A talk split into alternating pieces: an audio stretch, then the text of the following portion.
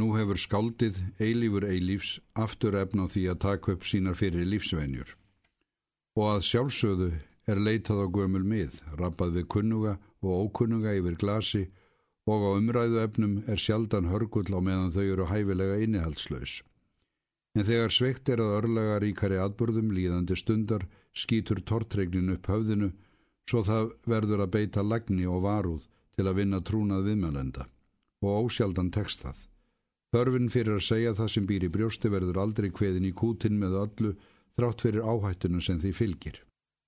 Oftar en hitt snúast á viðræðurnar upp í óræðan og afsleppan orðaleik með tvíbendum merkingum svo oft á einat er erfitt að gera þar upp á milli alvöru og uppgerðar, einfeldni og vitsmöna. Svo eru þeir sem verða eins og tunguskornir að minsta tilefni og sleppa yngu tækifæri til að stinga af. Það dilst ekki að kunnugu andlitunum fækkar og þótt ný andlit bætist í hópin megna þau ekki að fylla upp í skorðin. Sé spurt hvað dvelji þennan eða hinn eftir viðmælandin aðeins ökslum og það getur þýtt allt mögulegt. Í þessu samfélagi skuldar engin skýringu á því hvenar eða hvort hann kemur eða fer og engin gerir veður út af því þótt hann eða hún hveði kong og prest án þess að skilja eftir nafnspjaldi sitt með nýju heimilisfangi. Fritz borgar vel svo það lítur út fyrir að uppskeran sé launana virði. Samt veldur það stundum heilabrótum hvað honum kemur til að gjalda ómerkilegt vínstofuð þaður svo dýru verði. Fritz er skeppna á því lengur engin vafi. Þegar hann er í því essinu sínu og það er hann oftast nær er það freistandi að mega hrækja framann í glottandi smettið honum og óska honum uppátt til fjandans, en það kynna draga óþægilegan dilk á eftir sér, svo það setur ævilna við óskíkjuna eina. Annars er þetta ekki svo slæmt. Ofurmennskan er skáldunu náðug á meðan það rækir hlutverk sitt af kostgæfni.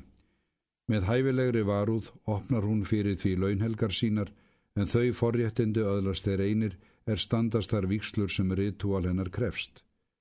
Í glæstum veislusölum útvaldra er skáldið ávarpað herr Eilífs eða herr Viking og jafnvel gefið undir fótinn með tignarstöð á Íslandi þegar ofurmennskan hefur lokið því lítilræði af að leggja undir sig heiminn. Það er skálað við litskrúðagar stríðsetjur fyrir fóringjanum, fyrir sigri ofurmennskunar, fyrir herr Viking sem gerir sitt besta til að halda í við þessi gullbrindu íturmenni sem láta sér ekki næja lífsnöyttina í smáskömmtum. Það er heldur engin hörgull á glæsilegum ungum valkyrjum sem láta fúslega í téð það sem kynferði þeirra hefur upp á að bjóða til að sanna ofurmennskunni hotlustu. Hispuslaust leika þar hlutverk sín í þessu svimandi sjónarspili ættíð reyðubúnar til að uppfylla þarfir karlmennskunar þegar henni likur á því að létta á ginsinni. Brálegt að nefna ástið því sambandi því ofurmennskan viður kenni ekki svo fortfálegt hugtak. Hún tekur það sem hún gyrnist og flegir því síðan frá sér þegar brímanum hefur verið fullnægt.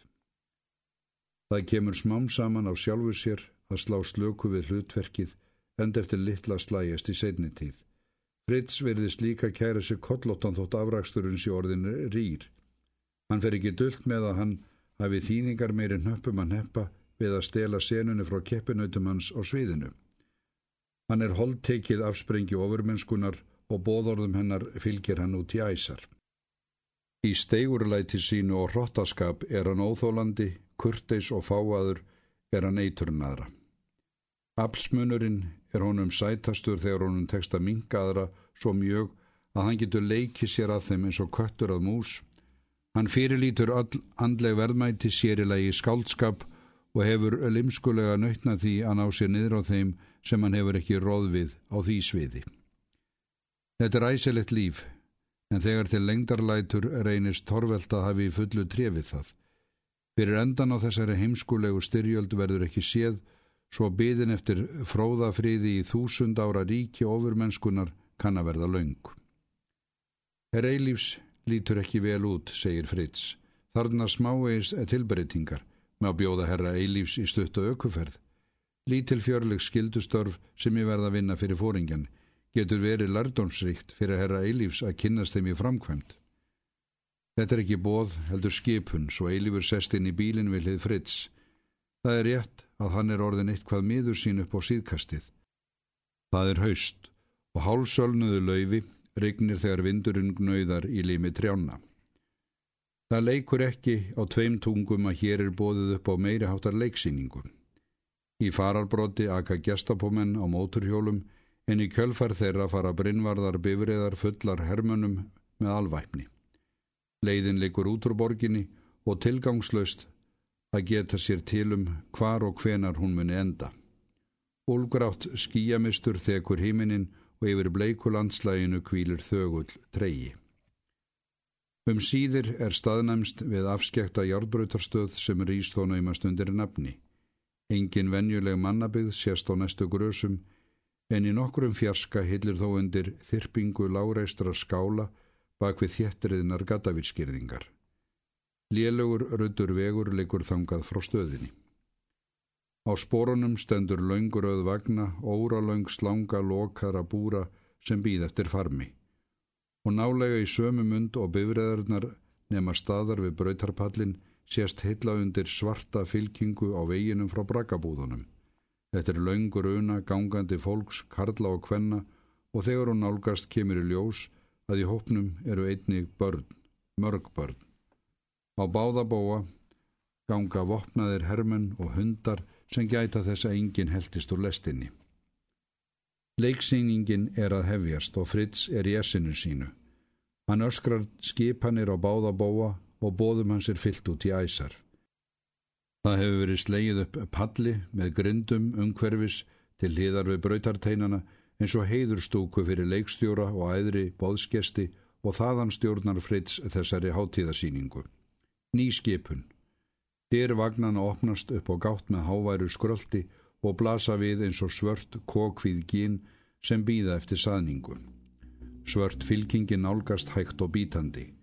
Skipanir, gjalla, bissur mundaðar, hundarnir urra og gjamma. Þeir sem fremstir ganga byrja að stíga inn á sviðið fram hjá pallinum, þögull, reikandi, tötralýður, ungir og gamlir í einni bendu. Fólk sem er dáið heiminum þótt að beri enþá fæturna hvern fram fyrir annan. Líkfylg áleði til sinna reygin gravar. Júðasvín, reytir Fritz út úr sér. Hann beinir þessari vittnesku til eilíf sem stendur stjarfur og svarar ekki, læst ekki heyra. Háls hans herpist saman af þurki, dofi, læðist í fæturna, svimi yfir höfuðið og magavöðvarnir eru teknir að engjast. Stórkostlegt, herra Eilífs, segir Fritz. Martröð. Síðskeggjaður öldungar, gamlar gráharðar konur, vagandi á solnum fótum, skítugir tærðir líkamir sem tínt hafa aldrei sínum, börn sem eiga ángistina eina að. Allt er þetta reikið inn í kolsvört gín vagnana.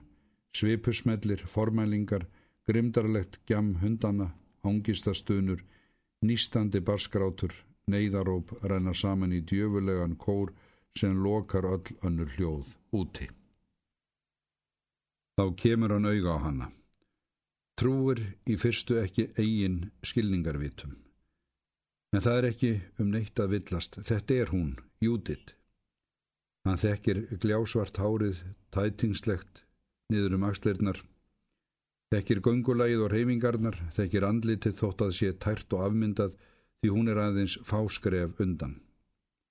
Hún er með sjaldruslu um sig ofanverða og niður undan því hangir táin pilsfaldur. Í ofbóði sem á sér enga hugsun að baki rópar að nafnið hennar, Júdit, Júdit. Það berst til eirna hennar og hún lítur upp en áttar sig ekki á því hvaðan rópið kemur, rasar um ójöfnu. Ruddalegur hermaður þrýfur til hennar og sviftir af henni sjaldruslinni svo hún stendur nækinniður að mitti, sveiblar svipusinni svo ólinn rýður um auksl hennar og bak og skilur eftir sig rauð og slóð og hörundið. Hún kvenkar sér ekki, tekst að stöylast inn í hópin hverfur og í sömu andrá leysist umhverfið upp í rauða móðu. Inniblinn gera uppreysn og hann kúast svo óbóðslega að það er eins og yðrin standi först í hálsinum. Langa stund hangir hann út yfir grindurnar og engist, veit ekki lengur stað og tíma en djöblakórin hamrar á hljóðhimnunum lengi, lengi, heila eilíft. Um síðir slótar honum þó og hægt og óendanlega hægt rofar til. En hann þorir ekki að líta upp á ótta við að ófreskjan opni kóksitt á ný og sjónleikurinn endur tæki sig fyrir augum hans. Mjög slæmt, herra Eilífs, að þetta skildi koma fyrir, heyrist Fritz segja, varpar skugga á aðtöfnuna, vanhelgar germanska karlmennsku. Það verður ekki lengur hjá því komist að opna augun og líta upp, beint framann í storknað gjallglottið á ásjónu Fritz. Já, herr Viking, hefur vist heldur betur sett blett á skigðan skjöld ofurmönskunar því ættjarmót og hetjuskap norradna vikinga ber hann ekki utan á sér þessa stundina, riðand á fótónum, baðaður köldum svita og með græna slefuna lekand út úr sér. Lítur út fyrir að herra Ílífs hafi þekkt einhvern í þessu úrræki. Þetta er ekki spurning þótt orðunum sé hagað þannig. Þá bregður svo undarlega við að hann verður allt í einu rólegur og tilfinningalös, nánast gattfreðin, svo þjáning og ótti þurkast út. Það er ekki hugrekki, ekki norræn hetjöandi sem veldur þessum umskiptum, heldur einhver naflaus og óþægt geðbreyði sem eiga sér enga skýringu. Já, svarar hann beint framann í Fritz. Ég þekkti þarna eina mannesku. Hún hétt Júditt.